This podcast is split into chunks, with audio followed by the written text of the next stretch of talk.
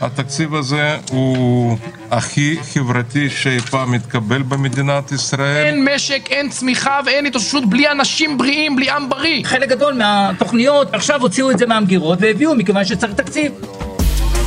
לא יכול להיות שראש אגף תקציבים שמח מהתקציב ומצד שני הוא חברתי. זה איזשהו פרדוקס. אין כלכלן שחולק שמדובר פה באחד התקציבים הכי משמעותיים שהיו בעשורים האחרונים. היי, אני עמירם ברקת. ואני יורי פסובסקי. ואתם מאזינים לצוללים לתקציב. הסדרה שבה אנחנו צוללים לנבחי תקציב המדינה, ומסבירים לכם מה בדיוק קורה בו, צעד אחר צעד. עשרה פרקים כבר מאחורינו, אורי, מי היה מאמין? כן, אז אמירם, אחרי החגים הגיע. הכנסת חזרה מהפגרה, ואנחנו נכנסנו לישורת האחרונה של התקציב. אפשר לומר שאנחנו במאני טיים?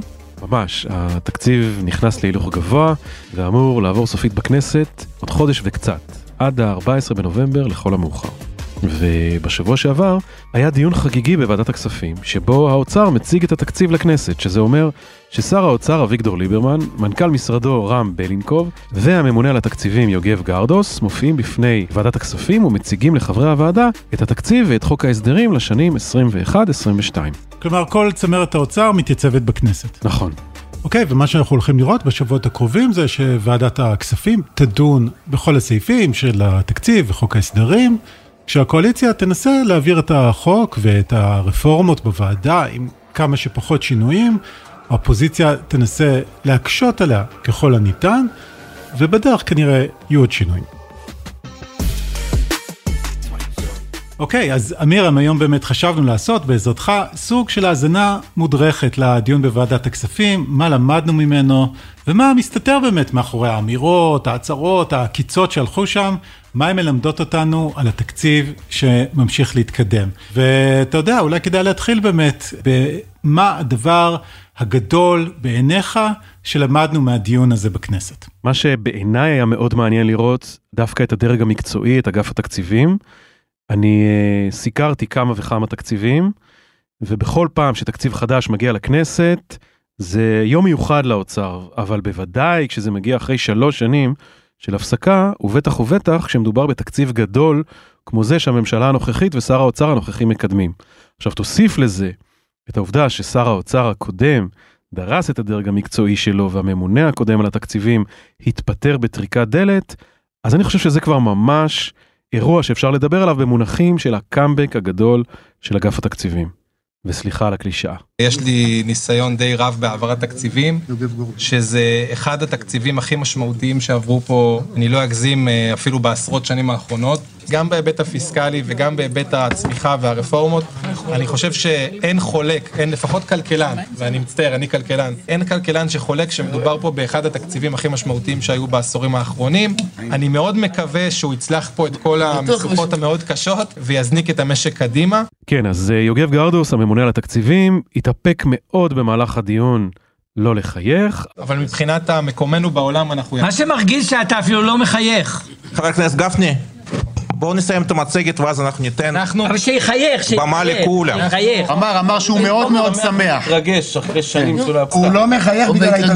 אז אמירם, כשיוגב גרדוס מגיע מרוצה מההישגים של אגף התקציבים לוועדה ואומר שזה אחד התקציבים הכי משמעותיים שעברו כאן בעשרות השנים האחרונות, על מה אנחנו מדברים? אז תראה אורי, בתקציב הנוכחי, וזאת תזכורת קצרה, אולי אפילו תמצית של הפרקים הקודמים, יש באמת כמה רפורמות וצעדים שקרובים במיוחד לליבם של אנשי האוצר. ישנם שם לפחות שלושה מהלכים שבאוצר מנסים כבר שנים לקדם, ללא שום הצלחה, והפעם זה כנראה כן יקרה. אני מדבר על העלאת גיל הפרישה לנשים, על הטלת אגרת גודש אה, בכניסות למטרופולין תל אביב, ועל הרפורמה בפנסיה וביטול הנפקת אגרות החוב המיועדות. אפשר להוסיף לזה עוד כמה מהלכים שנכנסו פנימה, כמו המס על המשקאות הממותקים והמיסוי של כלים חד פעמיים, ואתה יודע מה אורי, אני לא בטוח שהממונה על התקציבים גרדוס לא צבט את עצמו בלחי כמה פעמים, רק כדי להיות בטוח שהוא לא חולם.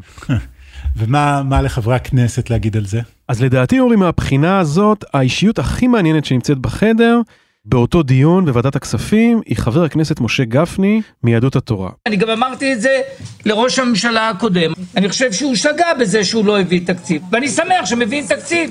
אני לא שמח שמביאים את התקציב הזה. האיש הזה שבמשך שנים עמד בראש ועדת הכספים, עשה לאוצר לא מעט צרות.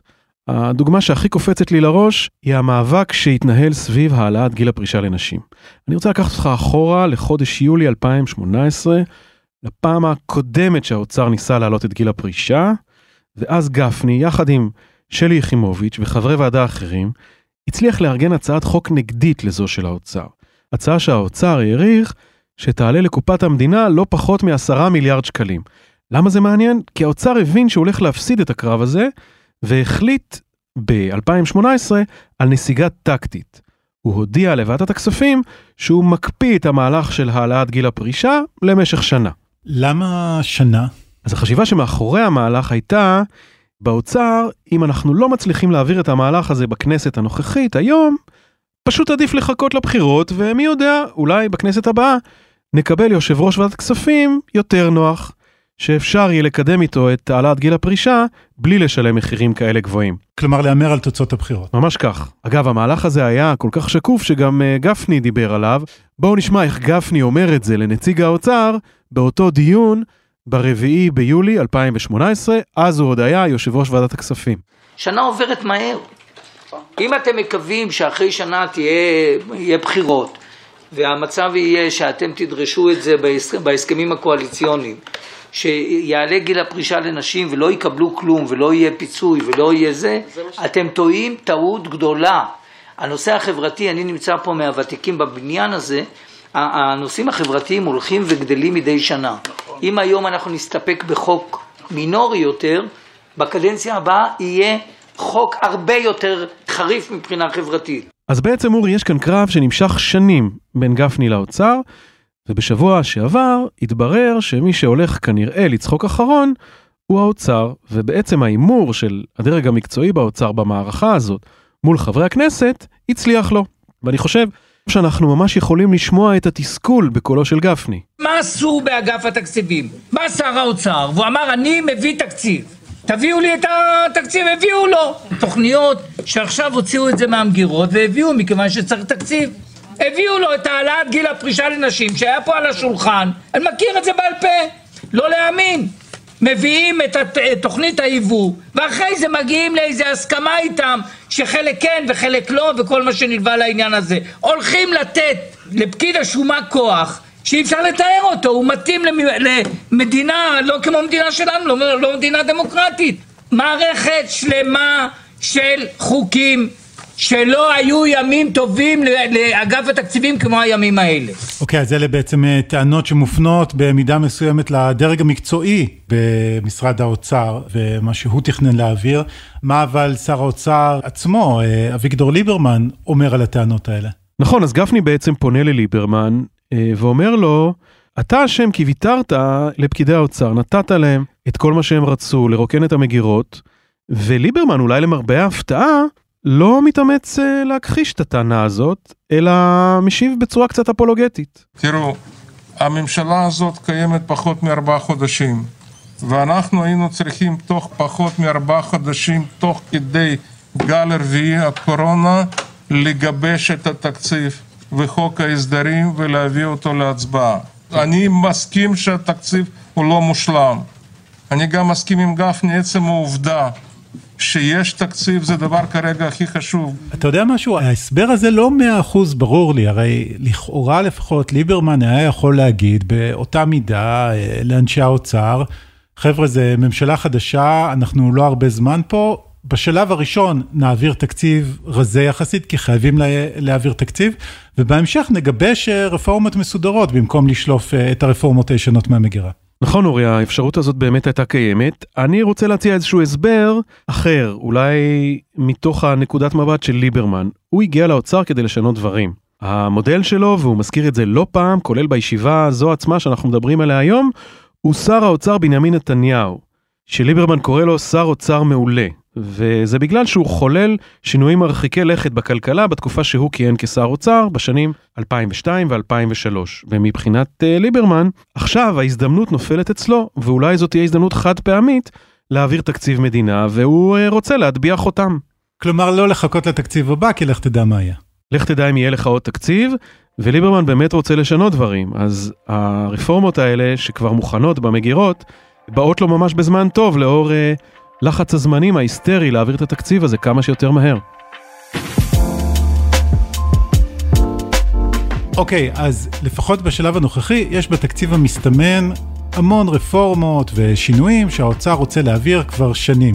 אבל אם uh, לוקחים ככה צעד אחורה ומסתכלים על הכל ביחד, למה התקציב הזה מתחבר? כלומר, איזה מין תקציב זה? אם uh, תיתן לליברמן להגדיר את התקציב שלו, אולי יפתיע אותך לשמוע שהוא רואה בתקציב הזה תקציב מאוד מאוד חברתי. התקציב הזה הוא הכי חברתי שאי פעם התקבל במדינת ישראל, וגם מנועי צמיחה חסרי תקדים. אבל כמו שאתה יודע, יש מי שאומר, אה, בטח ברשתות החברתיות אפשר לראות את זה, שזה תקציב אנטי-חברתי, תקציב צנע וכו' וכו'. אתה מכיר את הטענות על התקציב. כן, אפילו uh, בדיון עצמו, בוא נשמע למשל uh, מה אומר חבר הכנסת uh, שלמה קרעי על uh, תקציב כזה. זה לא יכול להיות שראש אגף תקציבים שמח מהתקציב ומצד שני הוא חברתי, זה איזשהו פרדוקס. אוקיי, ומה דעתך?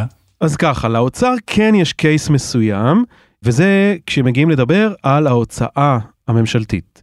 ואם מסתכלים על המספרים, אז ההוצאה הכוללת של הממשלה בתקציב הבא באמת גדלה, וגדלה בסכומים אה, ניכרים. אם אני רק אתן עוד פעם כמה דוגמאות, התוספת אה, לבסיס התקציב של משרד הבריאות בלי קשר לקורונה, 2 מיליארד שקל, משרד הרווחה, 700 מיליון שקל לבסיס התקציב. תוספת של מיליארד שקל למשרד החינוך, מתוכם 700 מיליון שקל לבסיס התקציב. כן, כלומר, אם צנע זה קיצוצים והידוק חגורה, אז באמת יש כאן הגדלה מסוימת של התקציב, לא קיצוץ שלו. אבל אתה יודע, מנגד, מה שבלט לי בדיונים זה כשגרדוס למשל מתחיל את המצגת שלו, השקף הראשון שהוא מראה מדבר על הזינוק בחוב של ממשלת ישראל, ומשם הוא ממשיך לדבר על הגירעון ועל המרחב הפיסקלי, כלומר, יש כאן עדיין קו מאוד שמרני, כשדבר ראשון מדברים על הצורך להקטין את החוב. ואני לא יודע אם זה בגלל שזה סדר הדברים המסורתי במצגות של האוצר וככה בונים אותם, או שאולי יש פה משהו עקרוני יותר. גם לדעתי זה הדגש המרכזי בסקירה של אה, הממונה על התקציבים בכנסת. ואם לצטט את, אה, לדוגמה, את שקף מספר 11 מתוך המצגת של האוצר, השקף שנקרא מתווה המדיניות התקציבית לשנת 2022, אז האוצר נוקב ביעד אחד בלבד, והוא בלימת העלייה ביחס חוב תוצר. ובהמשך הוא מוסיף שהמטרה בטווח הארוך יותר היא, אני מצטט, חזרה למתווה יורד ביחס החוב תוצר. כלומר, ואת זה גם אמרו אנשי האוצר בדיון עצמו, אנחנו מתכוונים להמשיך את מה שעשינו ב-20 השנים האחרונות. הקורונה קצת הפריעה לנו, אבל עכשיו, אחרי שיצאנו מהקורונה, מה שאנחנו הולכים לעשות הוא להמשיך ולהוריד את יחס החוב תוצר. הפרמטר הזה בעצם מודד מה היכולת של המדינה להחזיר את החוב שלה. יכול להיות שהחוב עצמו גדל, אבל מכיוון שהכלכלה צמחה יותר מהר, היכולת להחזיר את החוב גם היא גדלה. אבל זה אולי המקום להזכיר שיש קולות שאומרים שעם הריביות הנמוכות שיש כרגע בשווקים, יש לנו יכולת ללוות כסף בזול, להשקיע אותו בתשתיות, בחינוך, ולקצור השקעה שתחזיר אותו פי כמה. ואפילו בנק ישראל אומר את זה, כן? עשינו על זה פרק שלם כאן בצוללים לתקציב, נקרא כאן זה לא אמריקה. וראינו גם מסמכים שונים ממקומות כמו מכון אהרון בבינתחומי, כלומר עמדה שכלכלנים אה, רציניים אה, מנסים לקדם. אז אה, למרבה ההפתעה, גם בדיון מתברר שלא רק הכלכלנים חושבים ככה, אלא גם חברי כנסת מהאופוזיציה hmm. מאמינים בגישה הזאת, ורצינו להביא לכם שני קולות שאומרים את זה, כשלמרבה האירוניה מדובר בשני אנשים שהמרחק האידיאולוגי ביניהם בנושאים אחרים איך נאמר זאת, לא יכול להיות גדול יותר. מחירי החוב היום בעולם הם אפסיים. גם אם תהיה עלייה של יחסי חוב תוצר ל-85%, כיום זה 73%, הריבית על החוב לא תעלה. לעומת זאת התשואה שתהיה מההשקעה לטווח ארוך כולל בהכשרות מקצועיות ומימוש של קופסאות הקורונה זה דווקא יגרום לעלייה בפריון מעבר לכך שזה ישרת את הפרט וכל זה בחוב שהעלות שלו היא אפסית מה שנגזר מהתקציב מעבר לפגיעה באוכלוסיות המוחלשות זה גם דבר לא הגיוני מבחינה כלכלית בשפה שדובר בה קודם. זה היה עופר כסיף מהרשימה המשותפת. אני מדבר עכשיו לא על ההיבט החברתי האנושי המוסרי שגם הוא כואב מאוד. אני מדבר עכשיו רק על נתוני כלכלה, רק על תפיסה של השקעה אל מול תפוקה. אתה חייב להחזיר היום חלק מחבילות הסיוע גם לכלכלה וגם לאנשים הפרטיים כי אין משק, אין צמיחה ואין התאוששות בלי אנשים בריאים, בלי עם בריא. תגדיל קצת את החוב, אתה תקבל אחר כך 30 מיליארד, אתה רואה את זה בנתונים, אי אפשר להתווכח, דיברת על 137 מיליארד, זה עם עשייתא דשמיא הגדולה. חברי הכנסת סמוטריץ' וכסיף מסכימים, מי היה מאמין? אוקיי, אז מה היה לשר האוצר להגיד על זה? טוב, אז אם לא היו לך מספיק טוויסטים עד עכשיו בעלילה, הנה הפתעה עוד יותר גדולה, שנוחתת עלינו דווקא מכיוונו של שר האוצר עצמו, שמגלה לנו בשלב הזה של הדיון באיזה מודל כלכלי הוא מאמין. יש תפיסות של שמלצר ויש מילטון פרידמן ההפוך, אבל אני מאמין בכלכלן דגול אחד ששמו ז'בוטינסקי. אני מאמין בכלכלה ליברלית עם רשת ביטחון הנקראת חמשת המ"מים. אבל אתה חייב להבין, אין רווחה בלי רווחים. המדינה הכי שוויונית בעולם היא צפון קוריאה. המדינה הכי לא שוויונית בעולם היא ארצות הברית. אז אנחנו צריכים למצוא משהו באמצע. אני מאמין שבאמת המודל שמתאים למדינת ישראל מבחינת הגודל האוכלוסייה, גודל השטח, הנסיבות זה מודל שהוא סקנדינבי. והמודל הסקנדינבי הוא מבוסס קודם כל על הצמיחה. כן, תשמע, זה באמת אחת ההפתעות של הדיון הזה מבחינתי. ליברמן מאמין במודל הסוציאל דמוקרטי של אה, מדינות סקנדינביה? אז זהו, אה, לחשוב שליברמן יגדיר את עצמו כסוציאל דמוקרט זה עדיין לא שם, אבל עצם העובדה שהוא אה, מצדד או מביע תמיכה במודל הסקנדינבי, בעיניי זו הפתעה רבתי. אפילו אה, עופר כסיף היה קצת בהלם. אמר בתגובה, אתה יודע, אה, המודל הסקנדינבי הוא גם אה, מקדם אה, ארגוני עובדים חזקים, וזה לא בדיוק התפיסה של ז'בוטינסקי שאתה נשבע בדגלו בכל פעם. כן. אתה יודע, אני מניח שאם רוצים לחפש איזה אלמנט סוציאל דמוקרטי בתקציב הזה, אני מניח שאפשר למצוא אותו בזה שכן, יש הגדלה מסוימת של תקציב משרד הבריאות. והאמת היא שיש בתקציב הזה גם קצת מיסים חדשים, גם אם uh, במשרד האוצר לא בדיוק uh, רוצים להודות בזה. אנחנו כן יודעים שהאוצר קצת נכנע כשהוא הסכים להגדיל את ההוצאה מעבר למה שהוא תכנן, אבל uh, כפי שהעיר יוגב גרדוס, עדיין לא נאמרה המילה האחרונה. אם יחס החוב תוצר, אם נשתמש במילים שלו, יחזור לעלות, אנחנו נראה שההוצאה שוב חוזרת ומצטמצמת. יכול להיות שהנדיבות הזאת של האוצר בהסכמה שלו להגדיל את ההוצאה ב-14 מיליארד שקל, שזה אחוז תוצר שלם, מבוססת על נתונים מאוד חזקים שמגיעים מהכלכלה הישראלית השנה, על ההתאוששות ממשבר הקורונה ועל הכנסות בלתי צפויות שמגיעות בעיקר מכיוון uh, מגזר ההייטק, איזושהי אווירת אופטימיות ששוררת uh, בחדר, גם תחזית הצמיחה עולה למעלה, מדברים על צמיחה באמת חריגה של 7% השנה, ועל זה שהנזקים של הקורונה שסבלנו מהם בשנה שעברה, אפשר לומר שאנחנו כבר מאחוריהם. הכי חשוב להדגיש שכלכלת ישראל עובדת וצומחת, ופה חשוב להתייחס לפני התקציב לכל הפרמטרים האובייקטיביים. אוקיי, okay, ורק uh, כדי להעיב קצת uh, על התמונה החגיגית הזאת, ואולי גם כדי באמת uh, לשאול עד כמה יש פה תפיסה חדשה במשרד האוצר או שלא, צריך להזכיר שעדיין יש הרבה מובטלים בישראל, כלומר, עם כל זה שהייתה גביית מיסים מצוינת והייטק פורח, אנחנו עדיין במשבר במובן מסוים. זאת נקודה מאוד נכונה, כי האבטלה עדיין לא חזרה לממדים שהיא הייתה לפני משבר הקורונה. אם אנחנו רוצים לדבר במספרים, אז יש לנו כ-140 אלף אה, איש שאיבדו את עבודתם לפני המשבר ועדיין אה, לא חזרו לשוק התעסוקה מסיבות שונות, וליברמן אה, נשאל על כך, ותשמע איזה תשובה הוא נותן. איך אנחנו מסבירים שמצד אחד יש דרישה כל כך חזקה, פשוט אנשים, המעסיקים צמאים לעובדים, ומצד שני אנחנו רואים שעדיין יש כמות מובטלים גדולה, איך זה משתלב? כי חלק גדול זה עבודה שחורה. חלק גדול זה כלכלה שחורה. אני לא רוצה לדבר כבר על המעסיקים שבאו אליי ומספרים איך באים אליהם ואמרו, שילמו לי בשחור או שאני לא בא לעבודה. כלומר בעצם הוא אומר מספרי האבטלה לא משקפים את המציאות כי אנשים עובדים בשחור? ממש כך. בעיניי יש בזה משהו שהוא קצת צורם, יש פה מעין ביטול קצת של אה, נתוני האבטלה, ואני חושב שאולי יש פה גם משהו שעשוי להיות בעייתי מבחינה כלכלית, כלומר, אתה יודע, באוצר אולי רוצים להתמקד ברפורמות, בהכנות למשבר הבא, אבל המשבר הנוכחי עדיין כאן, ואם לא יטפלו אה, בנושא התעסוקה, יש אנשים שעלולים להיתקע באבטלה אם לא ייתנו להם אה, מענה.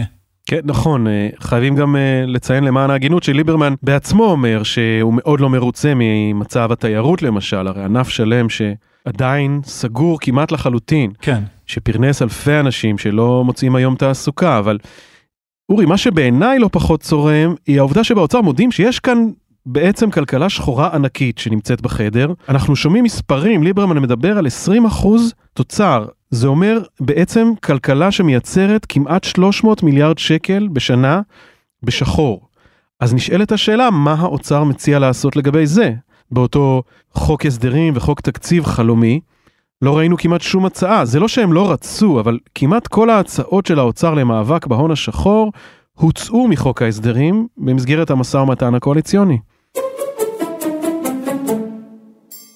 אז לסיום ככה, בוא נדבר במבט קדימה. מה האוצר מתכנן הלאה?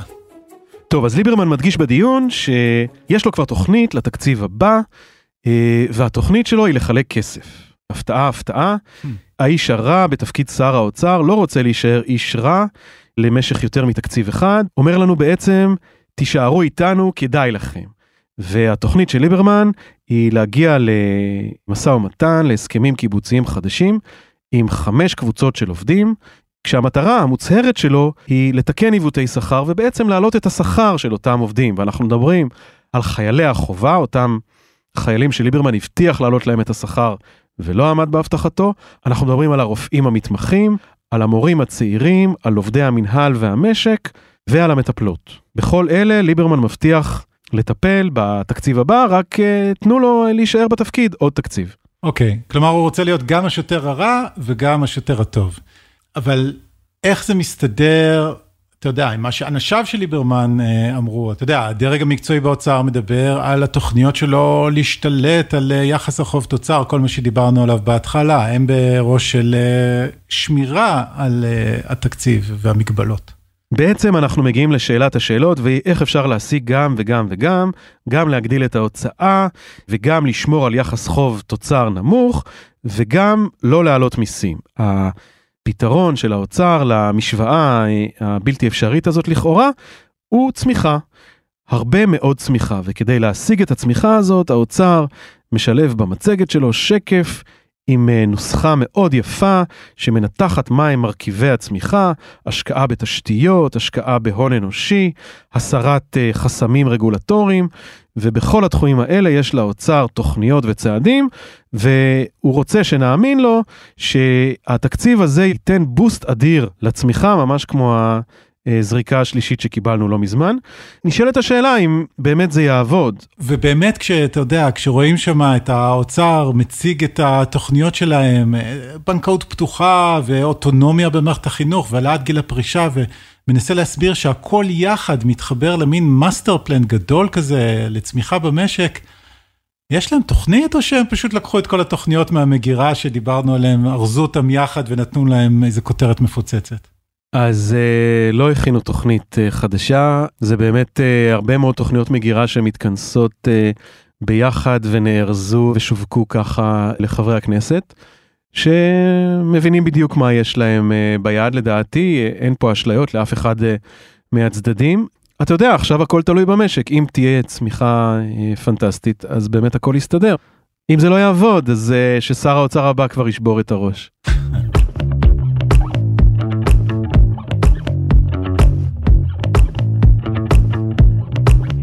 עד כאן עוד פרק שצוללים לתקציב. אתם יכולים למצוא אותנו באתר גלובס, בספוטיפיי, או בכל אפליקציית פודקאסטים, ואם אהבתם, נשמח אם תשלחו את הפרק לחברה או חבר שעוד לא שמעו עלינו. ואם פספסתם את הפרק של הצוללת מיום חמישי, למה כולם מתפטרים, שמסתמן כאחד הפרקים המואזנים ביותר של הצוללת בחודשים האחרונים, חפשו אותו בפיד שלכם. תודה לעידן ארץ ולאלה לוי ויינריב שחברים בצוות צוללים לתקציב. ניר לייס טרח את הסאונד והילה וייסברג היא עורכת הפודקאסטים של גלובס. תודה אורי פסובסקי. תודה מירן ברקת. נתראה בפעם הבאה, ואם אתם חשים את ההתרגשות באוויר לקראת אישור תקציב בכנסת הממשמש ובא, אז גם אנחנו. יש עוד הרבה על מה לדבר עד אז. להתראות.